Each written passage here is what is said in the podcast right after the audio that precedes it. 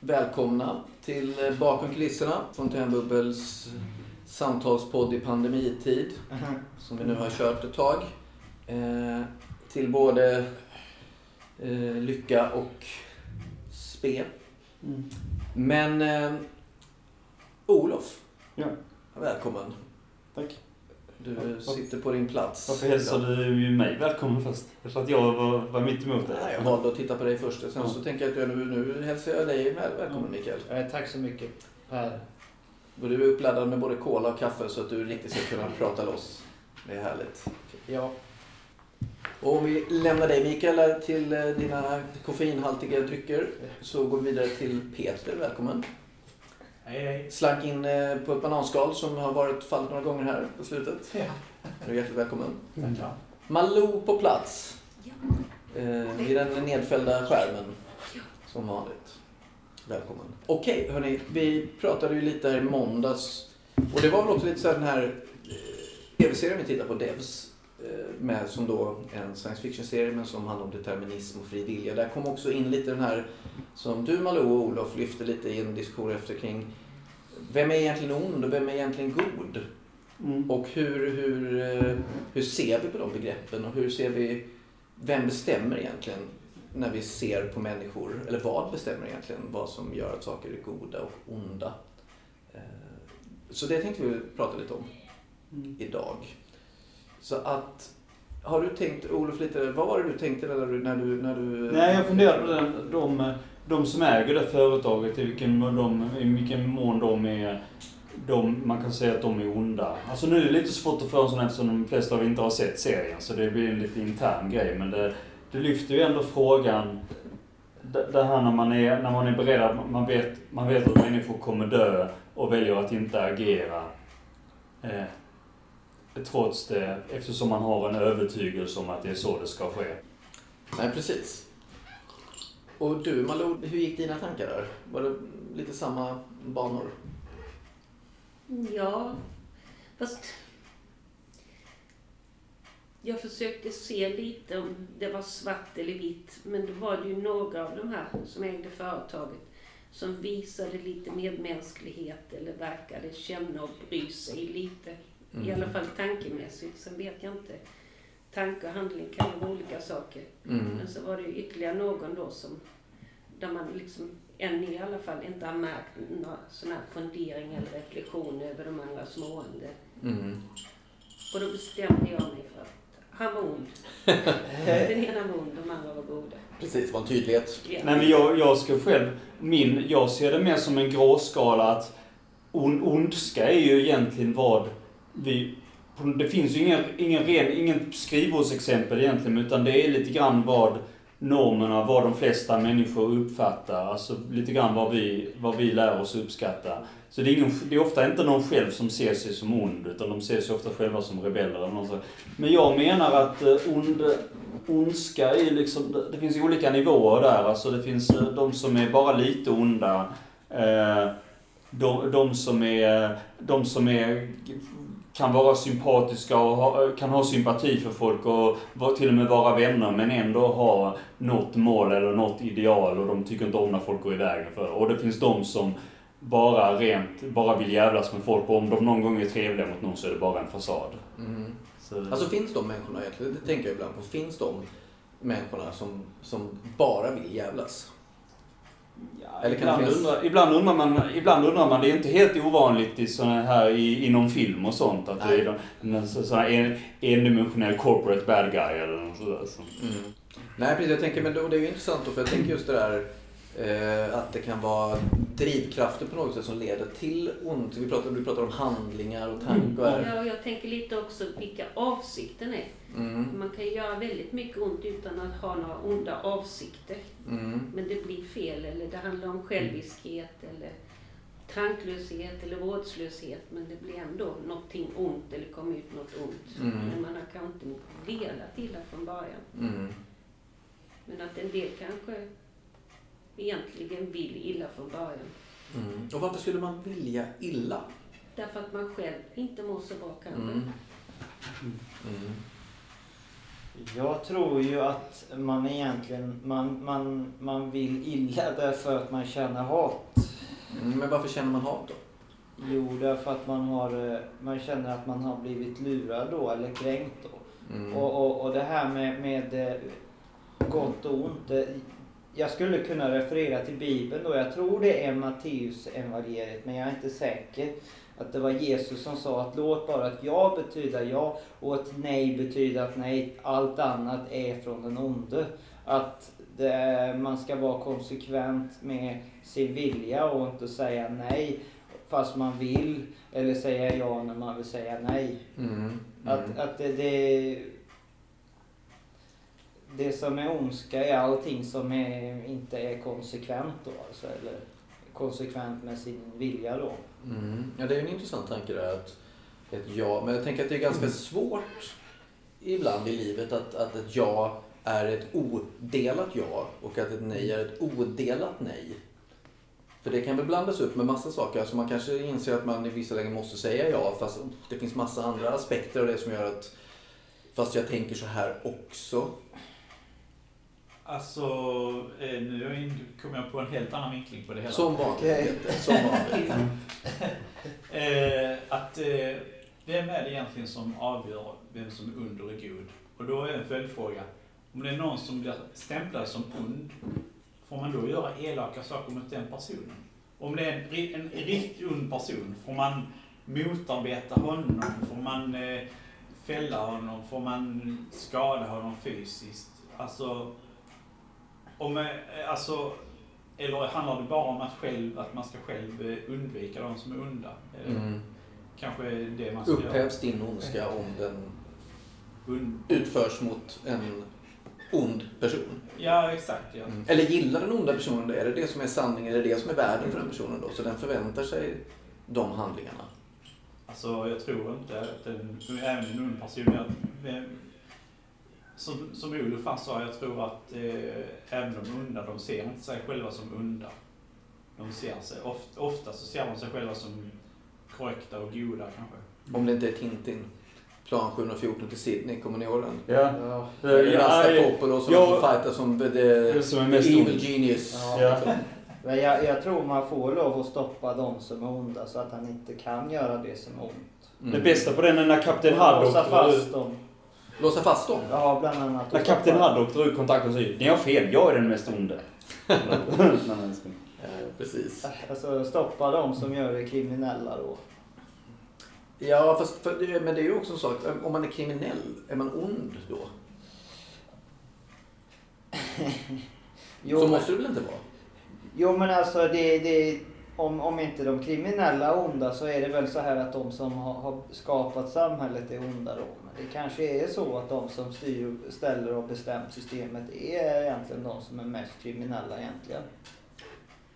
Så, det, det är ju lite en annan diskussion. Men, det, men, men eh, sagor och teater, där är det liksom en persona. Han är bestämd till att vara den onde. Ja, men precis. Så, här, och så, så är det ju ofta. Mm.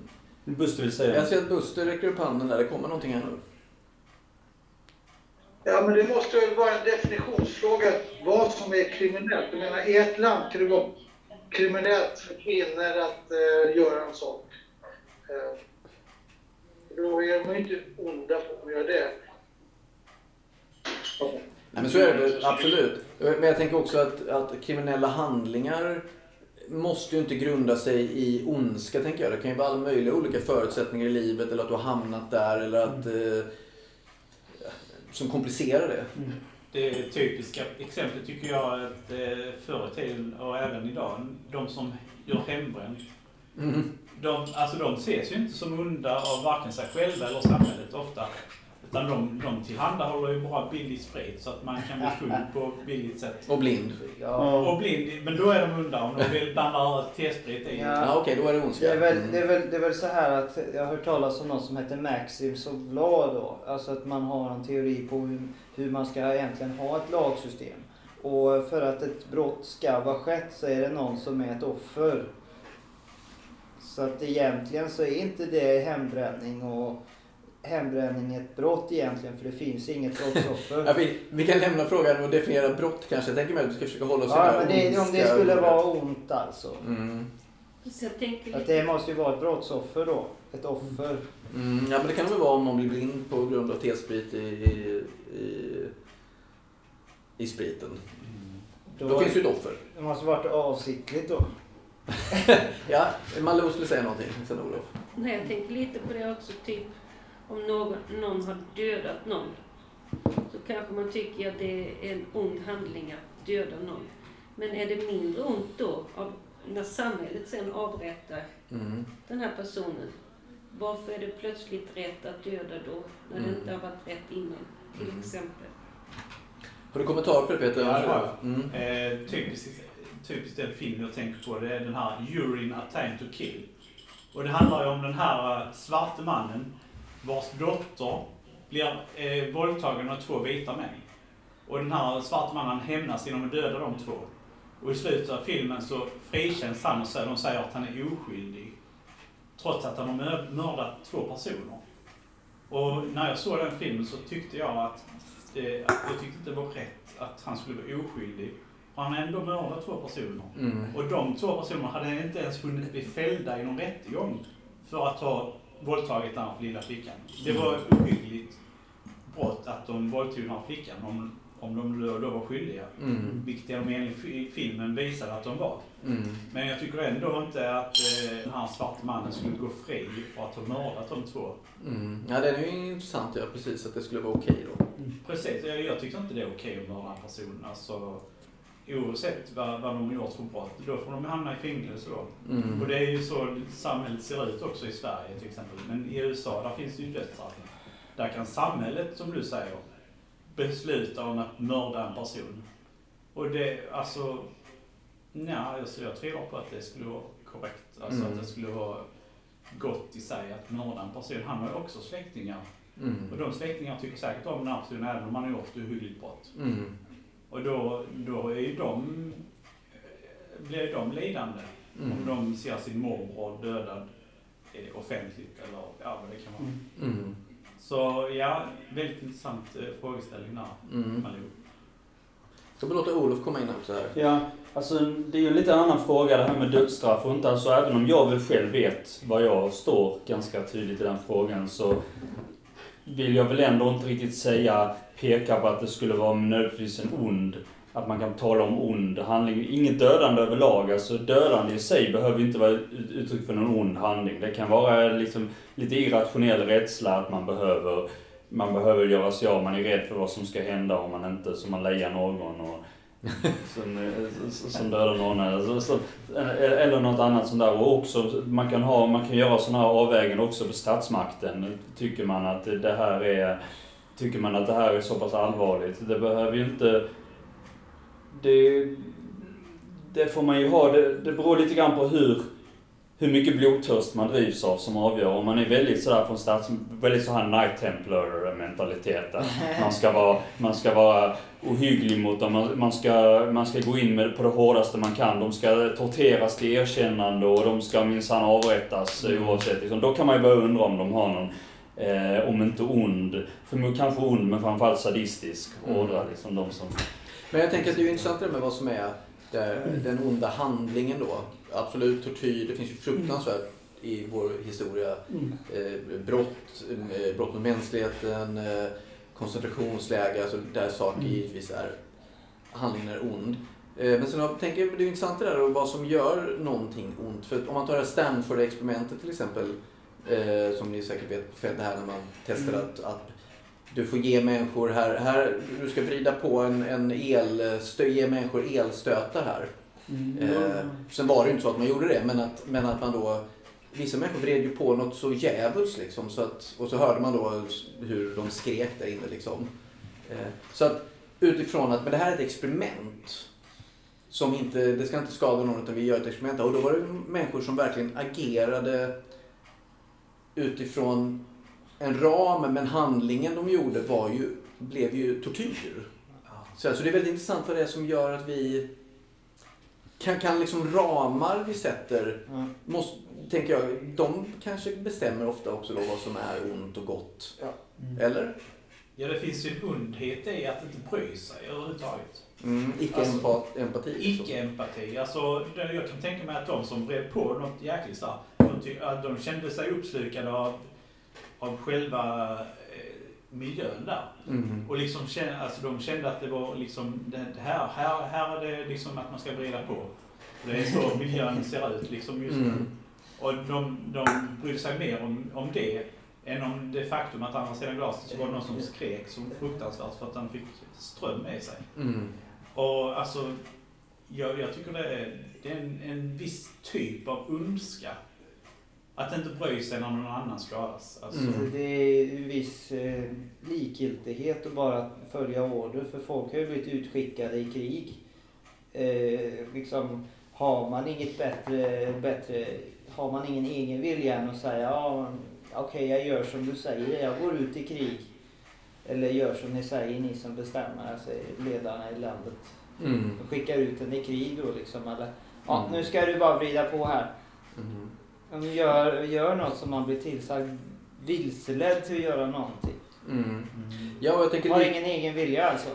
Nej, men det kanske också är svårt ibland. Det är absolut att likgiltighet och den handlingen det leder till eh, kan vara ondska. Men det kanske inte alltid är så lätt utifrån en ram eller ett grupptryck eller en situation att, att eh, direkt säga ifrån. Liksom, och säga så här, "Ah, men det här ser jag nu med nyktra ögon, det här Eh, det, det kommer jag inte göra. Jag kommer inte utföra det här. Liksom.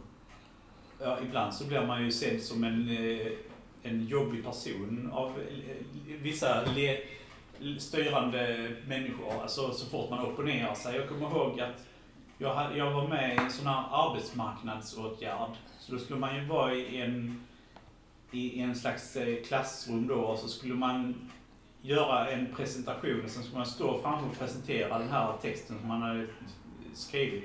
Och då var det en tjej som sa att jag är så fruktansvärt rädd för att stå där framme, jag klarar inte. Och då sa de så, nej det är obligatoriskt, ni måste ju vara där. Och hon var gråtfärdig. Mm. Då tyckte jag det var nog. Då, då protesterade jag och sa att jag vägrar, totalvägrar. Eh, jag tycker det är helt fel. Och plötsligt så fick jag flera stycken i klassen med mig. Mm, mm, mm. Så då blev det ett stort tryck på de här som styrde och de, de efter att de hade diskuterat i en enskilt eh, lite tag så gav de med sig och sa att det är inte obligatoriskt längre. Om du Mm. inte klarar det så slipper du. Mm. Så där, jag, alltså jag, jag gjorde det där för att jag blev arg. För att det kändes som att de mobbade den här tjejen. Mm. Och hon, alltså hon var på, på gränsen till att bryta samman. Alltså bara för att hon trodde att hon var tvungen att stå framför klassen Mm. och, och hålla ett föredrag. Mm. Men de tyckte ju att jag var jobbig då. För att jag hade startat det här upproret. Mm. Och- Ja, det är klart i deras ögon. Men Så- var du ond i deras ögon? Jag tror inte de såg mig som und faktiskt. Mer, de kände nog mer att de hade haft otur att ha en grupp med just mig. Ja, ja precis. Jag, jag, tänker, jag tänker på Jan Guillous eh, Ondskan. Mm. Eh, en bok som, eh, eh, som handlar om att det, det är ganska tydligt, alltså det, det handlar ju om hans... Det är baserat på hans uppväxt, även om jag inte vet om det, det är Lundsberg som det utspelar sig på. Att, han, han, att det är en massa mobbing och kamratuppfostran och så från överklass, en överklassskola där. Och det, det symboliserar den här, den här tortyr, eller den här ständiga paternalismen, så att säga, är det som symboliserar ondskan, så att säga. Eh, sen vet vi ju alltid att John Guillou har ju en agenda med allt han, han har. Det är ju liksom att eh, han, han, han reflekterar inte över det, att, han är, att hans karaktär då är våldsam eh, och sånt. Det är liksom urskuldat för att han, hade, han har våldsamma förhållanden i familjen. Men att, att andra är våldsamma, det gör inte riktigt samma so- socio... Men han slog väl tillbaka?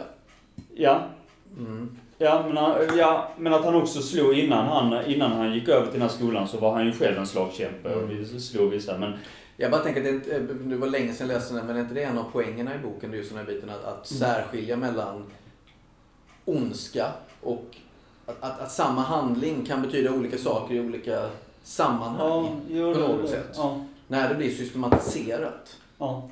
I, så, så finns ju en form av ondska, tänker Ja. jag. I slutet av den boken så kommer han ju hem till sin far och då hade han ju växt till sig, blivit stor och stark. Och hans far hade ju inte växt på den tiden så att i slutet så prylar han ju sin far något fruktansvärt. Mm. för att hans far hade slagit honom när han var yngre. Mm.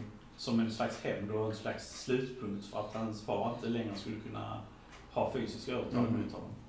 Nej precis, men det är väl hela poäng, alltså den där biten också att det är cirkelrörelse och det du blir Ja. utsatt för återupprepar du och det här liksom. Att du, Lite, lite så här karma-tänk också. Att Mm, om du är elak så kommer du till slut tillbaka till dig själv. mm, Du kommer att utsättas för någonting. mm. Det är, därför, det är därför de ofta har i så här eh, film, både filmer och sagor och sånt där när det är såna här karmic death. Personer som är onda eller gör tillräckligt onda handlingar. Att de, eh, att de, eh, att de dör utan att huvudpersonen egentligen behöver ta död på dem. Så hamnar de i en situation på grund av deras egna på grund av deras egna girighet eller någonting. Eller, eller så hamnar de i en situation där de, eh, där de möter sitt öde så att säga. Mm, mm. Det är synden straffar sig själv. Ja, precis. Ja. Det är typiskt den här Indiana Jones-filmen. Ja, Eh, Den, den hel Holy Grail. ja den har jag heliga graalen. Där i slutet så är det ju de här här nazisterna. De Ja, menar- öppnar ju den här eh, kistan, den, eh, vad heter det? Last Crusade menar du då? eller? Last Crusade var det Ja. kanske. Eh, De öppnar kistan och då smälter alla deras elaka människornas ansikten när Mm. de dör liksom. Raiders of the Lost Ark. Aha, han gör ju det. Ja, just det. Ja, just det, det är den. Jag tänkte annars och, på och den... Indiana Jones och hans Ja. eh, tjej då, de blundar ju då så Ja, att de ser ja. inte det här så de Mm. överlever. Mm. Ja, Så just det. det. är typiskt som Karmic Death. Alltså, Ja. Jag tänkte direkt på den filmen när du sa det. Mm. Ja. Jag tänkte på något lite tragiskt exempel. Det är också Indiana Jones. Men eh, hon, eh, den The Last Crusade. Då är det att han har en... Det, det, det, är, en- det är en tjej som kommer då eh, som vill ha den här eh, grailen, så att säga. Eh, Holy, Holy Grail, eh, och eh, förför Indiana Jones och samarbetar med nazisterna bara för att hon har, hon styrs av den här girigheten. Och hon, sen hamnar hon i en situation där hon, där, där hon i slutet där hon, där hon hänger på liv och död. Att hon, hon får, kan välja att bli, bli räddad eller att komma ner och hämta The Holy Grail. Att den, den, ligger där långt, den ligger där långt nere och hon liksom hon drivs med den här riktigt galna blicken och överväger samtidigt. Indiana Jones erbjuder att hjälpa henne men hon väger, hon väger hellre girigheten och dör på grund av det. Girigheten, vi kan absolut behöver gå in så detaljerat. Är, är, den här, är hon då, eftersom hon drivs av sån här girighet, är hon en ond person? Det, de är, de är meningen, det är väl meningen att de försöker framställa det på något sätt att hon, det är tillräckligt, typ, till, tillräckligt, tillräckligt stort karaktärsdrag att hon har varit beredd att liksom så här samarbeta med nazisterna och allting bara, bara för den här saken. Även om det är ett tragiskt moment då också att det är liksom att hon drivs av, att, att hon drivs av den girigheten som gör att då tycker de väl att hon, hon förtjänar att ha konsekvens, filmskaparna att hon förtjänar att ta konsekvenserna av det. Är det inte också i den här Lara Croft-filmen eh, som, där de letar efter Cradle of Life eller någonting sånt? Jag tror det är ganska vanligt förekommande... Och det, ja, det, det, det, det, porträtteras i de här filmerna att om man är en god människa så är det ett tydligt tecken på att när man utsätts för en stor frestelse så har man klokheten och godheten Ja. att avstå för det stora godas skull. Ja, det är helt gammaltestamentligt. Ja, eller så det är lite gammalt. Det tänkte jag också för när jag såg den filmen när jag var 12 år så tänkte jag lite grann när hon dog där liksom. Så, så onda handlingar gjorde hon väl inte men det var väl lite grann den där gamla moralen som Mm. spelade sitt till att, hon- att, hon föll, att hon föll för frestelser. Och varför är det så Malou till exempel med i filmer att, att, att det målas de här stereotyperna och klichébilderna de återupprepas ju gång på gång Mm. kring vad som är ont och vad som är gott. Vad tror du det är? Varför är det så, så tror du? Jag vet inte, men det skulle inte bli mycket filmer gjorda om vi inte hade den synen på det, ont och gott. Mm. Någonting inom oss tilltalas ju uppenbarligen av det. Mm. Och i regel är det väl så att man väljer att identifiera sig med den ena sidan. Mm. Och tror sig väl kanske själv om man var god och identifiera sig med den goda sidan. Jag tror Mm. inte det är så vanligt att man identifierar sig med den onda sidan. Nej, det blir som en bikt för oss på något Ja, sätt kanske. Att vi ja, kan, vi kan se det här och så kan vi Ja. avlasta våra synder på de här karaktärerna Mm. Mm. på något sätt. Filmer är ju ofta eh, publikfriande eh, på så vis att de, de porträtterar saker som känns bra att titta på. Mm. Mm. Om, jag, om jag ser en person som har gjort något som jag tycker är väldigt ont så kan det vara nästan befriande att se att den får ett stort straff. Och gärna extra mycket straff då, kanske för att de har stulit något så får de ett stort dödsstraff Mm. då. Liksom överdrivet Mm. hårt straff säkert.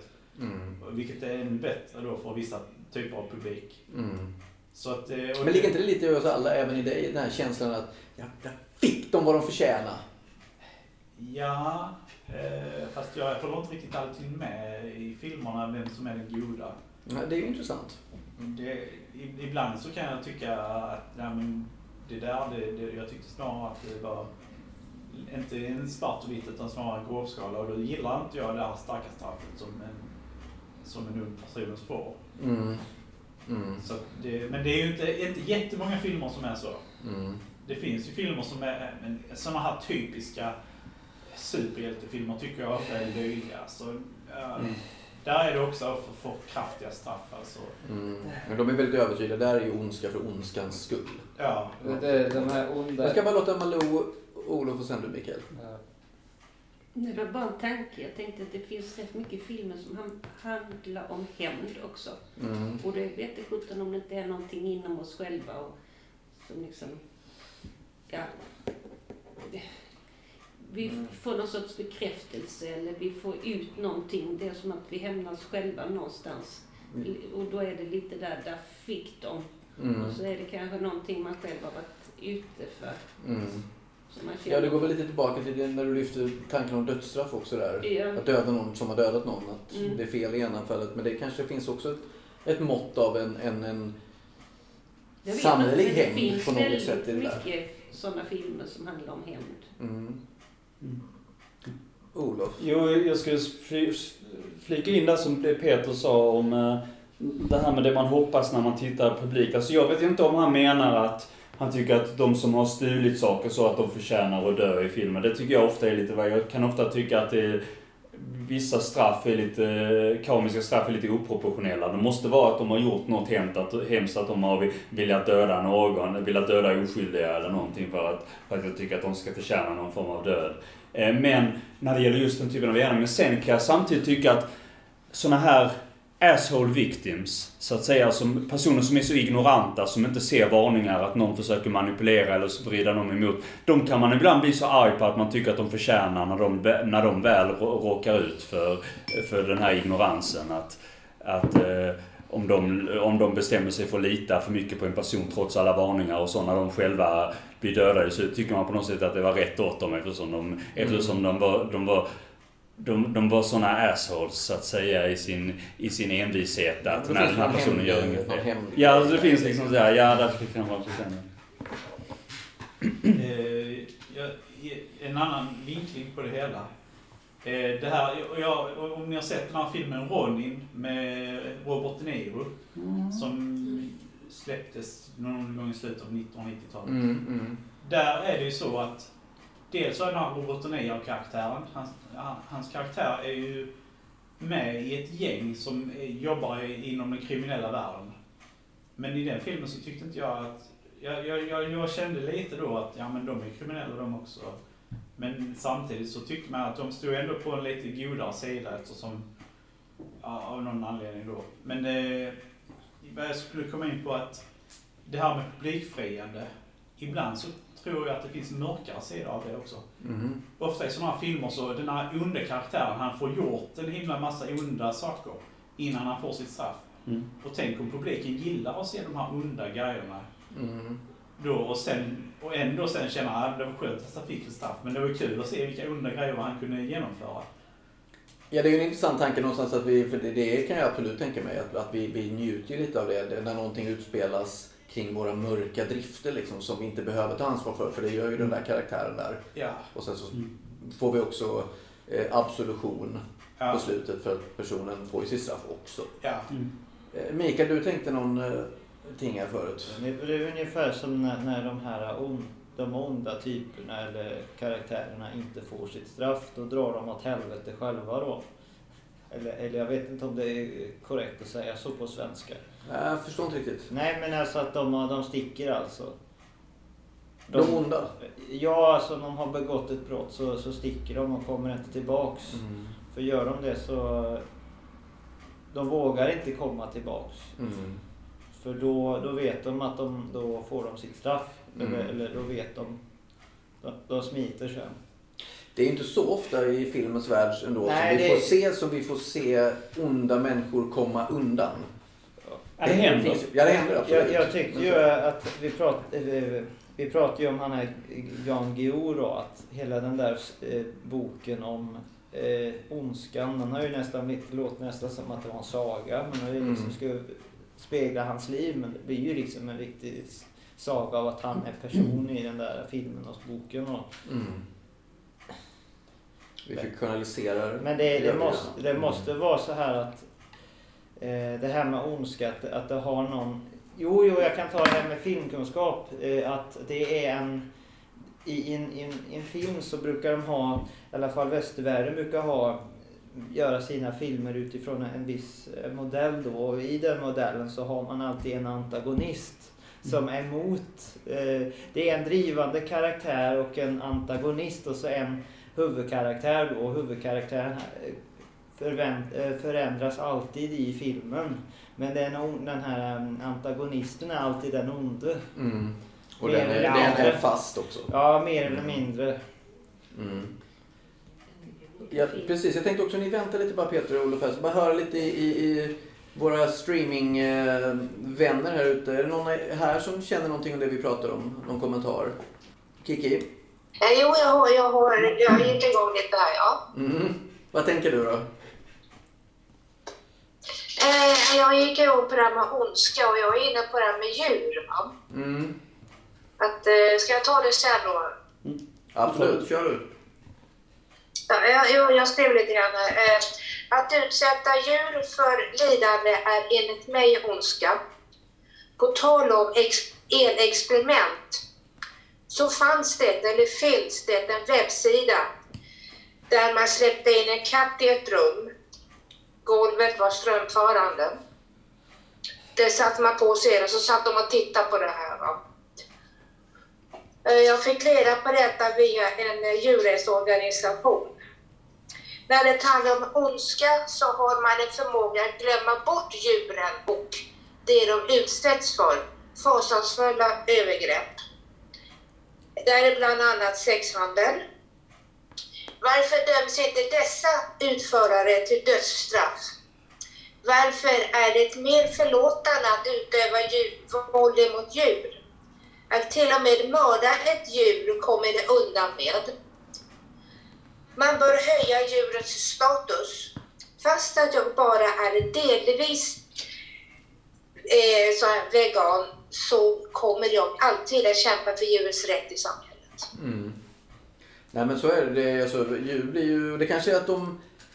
eh, Precis, för de är ju vad heter det, försvarslösa på ett annat sätt än vad vi är också. Eh, Så att det, det, Ja, alltså människor kan ju säga ifrån och barn kan ju också säga ifrån. Det var dum gubbe, det, det och detta. Men djur kan ju inte göra det. Mm. Nej men det kanske är en definition av ondska att, att, att agera mot försvarslösa. Det är därför också tänker pedofili eller att vi ser det som vuxnas Mm. övergrepp mot barn eller när man misshandlar ett barn eller vad man gör. Att det blir också en, en, en, en starkare bild av ett ont agerande liksom. Eh, vi har lite reaktioner här inne. Alla, alla männen här räckte upp handen omgående. Jaha. Ska vi ta Olof, Mikael, sen Peter? Nej men jag skulle säga det inflika, alltså när det gäller just eh, sex, eh, handel, sexhandel och sex med djur så är det ju som tur är faktiskt nu kriminaliserat. Det Mm. blev det nu för tio år sedan eller sånt där. Även om man kan tycka att det var ganska sent. Mm. Så det är ju olagligt. Eh, men eh, det är också det är intressant det där att, för det finns ju vissa som ser, eh, som ser alltså framförallt när man beter sig illa mot djur, våra sällskapsdjur så är det ofta, så betraktar ofta folk det som, on, som eh, mycket ondare än folk som be, bet- beter sig illa mot andra djur. Som till exempel det här med hur, eh, hur är Disney-skurken Cruella de Vil som har som mål att, eh, att, av, att avrätta hund, så många dalmatiner som möjligt för att få, Mm. få dalmatinerfläckar. Eh, grejen, en intressant aspekt, en av anledningarna till att jag tog upp det är att nu ska det göras en ny film om det. Där det ska följas en ny mall på det här eh, det här, det här temat eh, som Maleficent och vissa så här onda, att de, de ska göra en backstory till det. Och då, då, men då undrar jag om de inte om man inte utmanar, jag vet ju inte hur, hur idén med tanken med det är bakom, men är det att göra att göra henne till, missför, till missförstådd. Då undrar jag om hur publiken kommer ta det, om man ska se, f- förknippa det med min, som mindre ondska, att man ska försöka vattna ur det, att det inte det är inte så ondskefullt att vilja göra att vilja göra pälsar av dalmatiner. Men är det inte, tänker jag, en eh, aspekt av det. Det är ju svårt att, när man har en backstory Mm, på varandra till exempel och man vet vad personen har varit med om eller man känner så, så är det ju mycket svårare att se handlingarna som rent onda. Mm, Eller? ja. Skulle ni hålla med om det? Kan, ibland kan det vara svårt. Det beror på, det beror på hur mycket, om man gör det för mycket, om man gör om man mjölkar sönder det för mycket, att man, tyck, man tycker att visst, alla har, alla har väl en tragisk bakgrund, men men eh, det, man väljer också hur man gör om man tar minsta lilla motgång och överdriver den. Att, typ att, ja det är synd om honom för att han inte kom inte in på konstskola. Han kom inte in på, han lyckades inte slutföra konstskolan. Liksom. Ja, det, är, det är ganska, det är ganska så här falskt. Då, då tycker jag att, det, då är det liksom undanflykter. Då tycker inte jag att det betraktas som, visserligen är det, visst det är en backstory, men Olof, det är inte... Får jag pausa lite där. Mikael? Jo, alltså det som eh, Kiki pratade om det här med djur, att man misshandlar djur och, och så. Det, jag har också hört, eh, det finns ju ett uttryck för att man bejakar sitt djuriska beteende också. Att, att det är Mm. någon slags av ondska. Alltså att I, I'm like a beast. Och eh, det intressanta var det att eh, det finns något som heter eh, human. Att det egentligen betyder monster och man, mankind. eh, är eh, den civiliserade och eh, moraliska människan. Men eh, den här human is, i, i, betyder monster. Vad, I vilket, vad då? Jag har ingen referens till det men jag har hört det i alla fall i Mm. juridiska sammanhang tror jag det var. För att man pratar om att eh, a man and a woman. Men when it kommer till hu- human. eh, Jag vet inte, det kanske är något eh, att, de driver med det i den här human monster. Nej, det var Mm. kanske inte det. Jag vet inte mycket. Vi kan eh, hålla tanken lite bara kring det där. Det- Vår, det där våra the beast. inre demoner och the beast, ja precis. Så, Man- Peter, sen så är det några där ute som viftar också. Eh, Peter. Ja, jag tänkte på det som Kiki sa. Jag tyckte det var väldigt bra sagt. Och eh, jag, min, min association till det är lite med njutning. Mm. Att människan kan ju ha olika sorters njutning. Och det, för det mesta så är det okej att njuta. Förutom när det drabbar någon annan. Mm. Och, och eh, det finns ju de som eh, njuter av att döda djur. De är jägare, de skjuter bara för att det är roligt. Mm. Eh, och det, det, det är frågan om inte det är ondska i det. Alltså att, att, att, att man har en sån stark effekt på andra varelser bara för njutningens skull. Mm. Och, Att man inte tar vara på köttet och äter och så. Ja, man kanske bara skjuter dem Mm. och sen låter dem ligga. Alltså, det, det tycker jag är ondska. Och, men, och sen tänkte jag även på typiska pedofiler. De, alltså, de tänker ju bara på sin egen njutnings skull. De har ju ingen kärlek till, till eh, de unga människor som de ger sig på. Alltså Mm. det är inte kärlek att, att bara Nej. tänka på sin egen njutning. Alltså, förr så kanske de menar att kärlek det handlar om sex, men jag tvivlar på det faktiskt. Mm. Det är en mycket högre kärlek det är att bry sig om en annan person och, och vilja att den personen ska må bra och få ett så bäst, bra, möjligt som, bra liv som möjligt. Mm. Ska vi kolla vad Tony har på hjärtat? Nej, jag har lyssnat lite och jag tycker det är lite störigt att vi hela tiden eh, går in på filmvärlden. Det finns inte tillräckligt mycket känsla från verkligheten. Jo, det gör det väl. Men filmen blir väl en, en spegling av någonting? Ja. Men sen tycker jag också att eh, vi har s- sa väl att det var ont och gott. Det har varit rätt mycket ont. Ska vi köra sista kvarten med gott? Det är ju absolut en bra synpunkt. Vi var ju någon som sa här innan när vi pratade att eh, äh, det är ju inte kul med, med, med godhet. Ondskan är ju alltid roligare. Eh, så det kanske är därför då. Nej. Det blir lättare. Så, Eh, men du har helt rätt eh, Tony. Vi får eh, gå på det lite. Och Buster, vad tänkte du? Ja, nej, men jag, jag, jag tänkte gå lite mitt emellan där Ja, faktiskt. Ja, nej, men alltså när jag, alltså när jag växte upp och, och, man var liten så, så var allting så mycket enklare. För det var ont och gott. Det var cowboy mot indianer och USA mot Ryssland. Och, äh, bovar var hemska och, och Amerika var good guys och sådär. Och sen så när man växte upp sen så började man inse det där liksom att, att, eh, att ondska och godhet kan vara lite komplicerat. Att, att, eh, det går ju faktiskt att en som är ond kan också vara god, ha en god sida. Och, och tvärtom. Jag skulle nästan påstå att alla, alla människor på hela jorden har en, en viss uns av, av ondska i, i sig och, och, och godhet. Och, och om man då tillåter sig att, att släppa fram den här ondskan då, då tror jag liksom att det finns fara för att den kan ta över. Men, eh, nej, men just det här att det är intressant, eh, eh balansen, att, att, att menar, eh, en, en hemsk människa kanske älskar sin son och verkligen gör det på riktigt och är jättegod mot sin son och skyddar honom mot all ondska samtidigt som man kan ha en, en, en, en, en ett offer nere i källaren som han törs Ja, nej, jag fattar. Mm. Nej, men det är, det är väl komplext. Eh, Och det är det jobbiga med att växa upp ju. Mm. När man inser att allt bara är gråzoner och det var inte så enkelt. Eh, Så är det ju. Men, men, men vad säger ni? Ja, precis. Ondska är ju kanske... Är det lättare att prata om ondska än om godhet? Varför kommer man så lätt in på det? Som Det är ganska, jag skulle nog säga att det är för att godhet inte är, alltså, det, man, man, man sätter sig på ganska höga hästar när man försöker definiera godhet. Det är att man själv, ens egen moral är liksom den, den goda av allt. Att, ja, är man god så gör man så här och så här. Då, då ska man liksom följa, följa, följa de tio buden i alla, precis varenda mening. Och visst, det finns ju godhet i olika grad, men de flesta av oss orkar inte leva upp till alla kriterierna. Mm. Så då är det, lätt, det är lättare att ta då att man distanserar sig och det man betraktar som det är lättare att ta avstånd från ondska än att absorbera godhet så att säga. Mm, Ja, jag säga. intressant.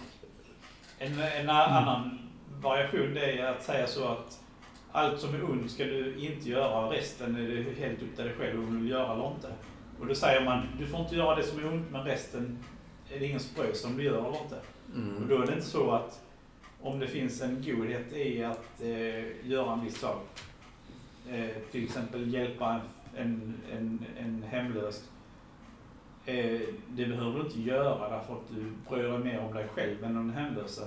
Och då är inte det ondska kanske, utan då är det mer upp till dig, det handlar mer om frihet då. Mm. Inte så att, tänker du att vi värderar inte godhet? Liksom. Ondska är ju Nej. värderad. Jag tycker i samhället så värderas inte godhet så mycket. Mm. Jag, fick, jag, jag, jag fick, har själv hört många personer när jag säger att jag, jag hjälper mina kompisar ekonomiskt så säger de Nej men varför gör du det? Mm. Tänk på dig själv, men tänk på dig själv. Mm. Och så säger jag Nej men jag har utrymme till det. Ja men det ska du inte göra. Och det är flera, flera stycken eh, eh, på min psykiatriska klinik som har försökt övertala mig att sluta göra sådana saker som att hjälpa mina eh, kompisar ekonomiskt. Mm. Så, så, och de säger, men tänk på dig själv, jag tycker det är fel, bla bla bla. Mm. bla. Jag tycker de är, alltså, jag tycker de är helt fel ute alltså. Mm. Ja, vi har väl en, en absolut en samhällstrend eller så att man, det kan väl finnas en, en, en god vilja i det. Jag tänker att du ska ta hand om dig själv. Mm. Om, om det finns en historia av att du kanske förlorar dig själv i att hjälpa människor. Ja. Men å andra sidan så kan det ju också slå helt fel på något sätt. Om man tar bort din vilja Ja, att, att hjälpa någon. men det är ungefär som att allt som är ont ska du inte göra, resten är ju fritt att välja själv. Mm. Men du måste ta hand om dig själv. Ja, det är intressant. Malou, vad, är det så att godhet inte värderas i samhället? Att, att vi liksom ondska är lättare och, och bara, här det är ont, men godhet är inte så. Ja, men det kan ju också vara ett betyg eller ett sätt att visa att världen i- kanske egentligen är rätt bra. För det vi reagerar på är ju det som avviker Mm. och det som då är ont. Men att för det mesta så rullar det ju på och det mesta fungerar ju Men du tar väl liksom godheten för given? Ja, Mm.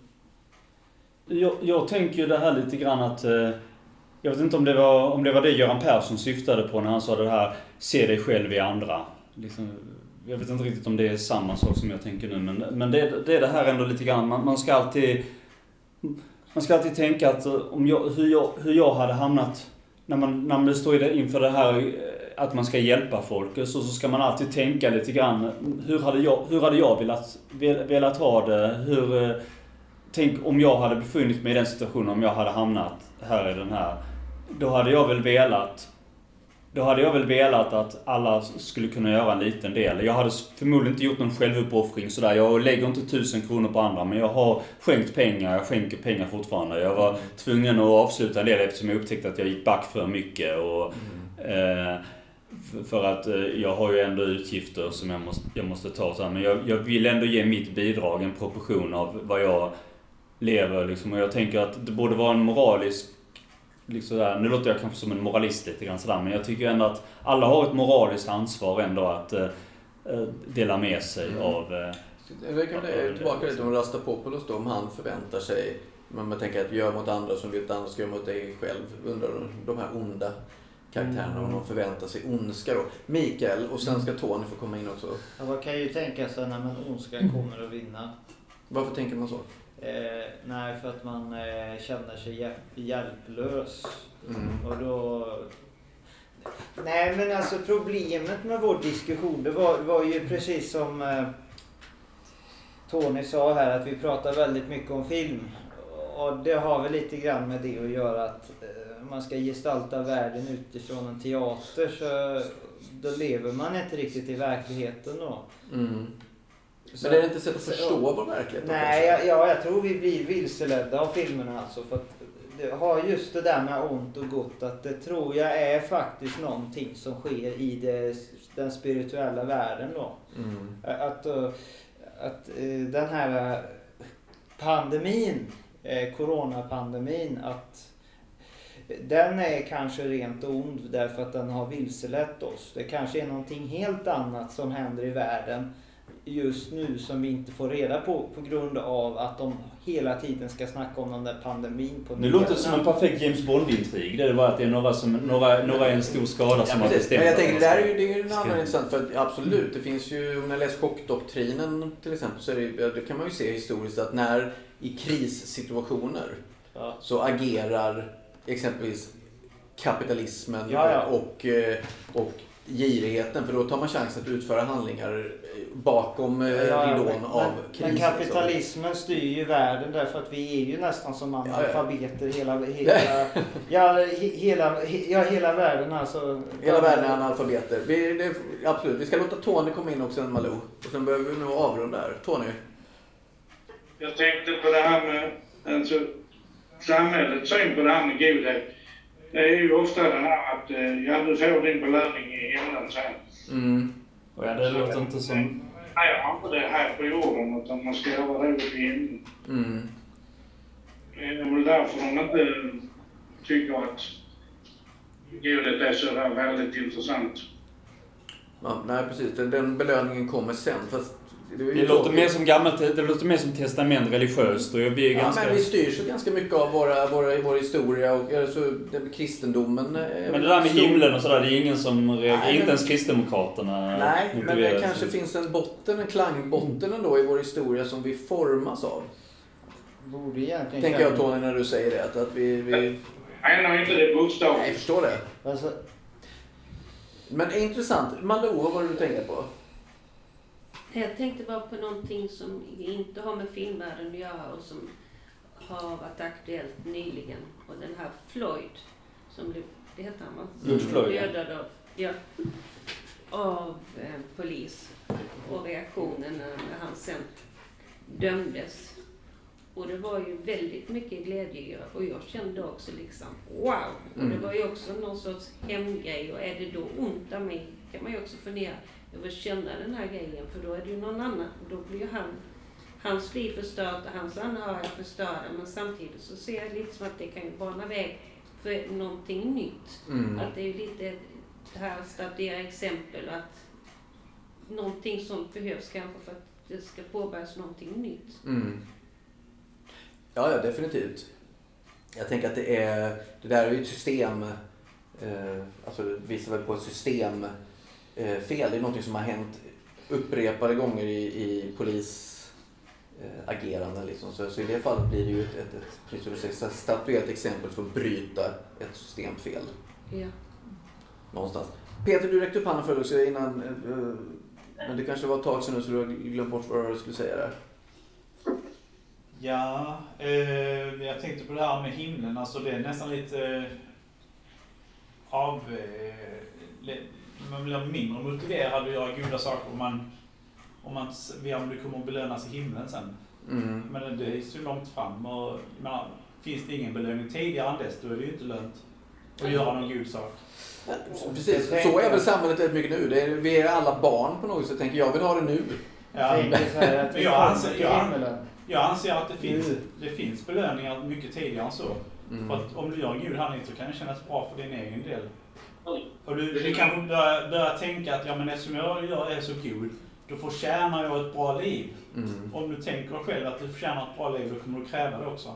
Mm. Och det kanske rullar på då en spiral som är en god spiral istället. Mm. Jag, tror, jag tror det finns många belöningar långt innan himlen. Mm. Kiki? Eh, jo, jag känner så här att det är glädjande när människor, liksom, om man är god och så, ser att de blir glada. Jag tycker det är belöning här och nu. Mm. Mm. Att du får någonting tillbaka utifrån din handling så får du tillbaka någonting från människor Ja. som gör, ger dig någonting. Mm. Instant gratification. Ja. Mm, absolut. Nej men så är det ju. Hörni, nu är klockan jättemycket här. eh, Så att jag tänker att vi, vi får runda av.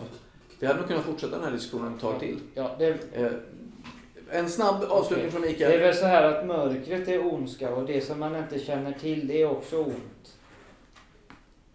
Det ligger nog mycket i det, tror jag. Att det är så vi projicerar våra bilder av ondska Och eh, säkerligen. villoläror är nästan ännu värre kanske. Vad sa du? Himlen? Villoläror. Ja, så ja, ja. Att, Mm. att man skulle komma till himmelen. Och jag har jag väl den uppfattningen mer att Guds, eh, Guds rike är redan här i så fall. Mm. Eftersom han eh, låter människan predika ordet så... Men, men, men eh, det är ju det med Armageddon. Armageddon, när kommer det? Armageddon kanske redan är här nu. Det är redan här kanske. Precis, vi lever i Armageddon. Kan Ja. man leva igenom det? Som Bad Religion sjöng Fuck Armageddon, this is hell. Okej hörni, jag tänker att vi avslutar här nu. Så att, tack så hemskt mycket för att ni kom och var med. Och tack Kiki och eh, Caféet, Tony, Buster och ni andra där ute. Eh, vi syns och hörs nästa torsdag. Hej då! Hej då. Men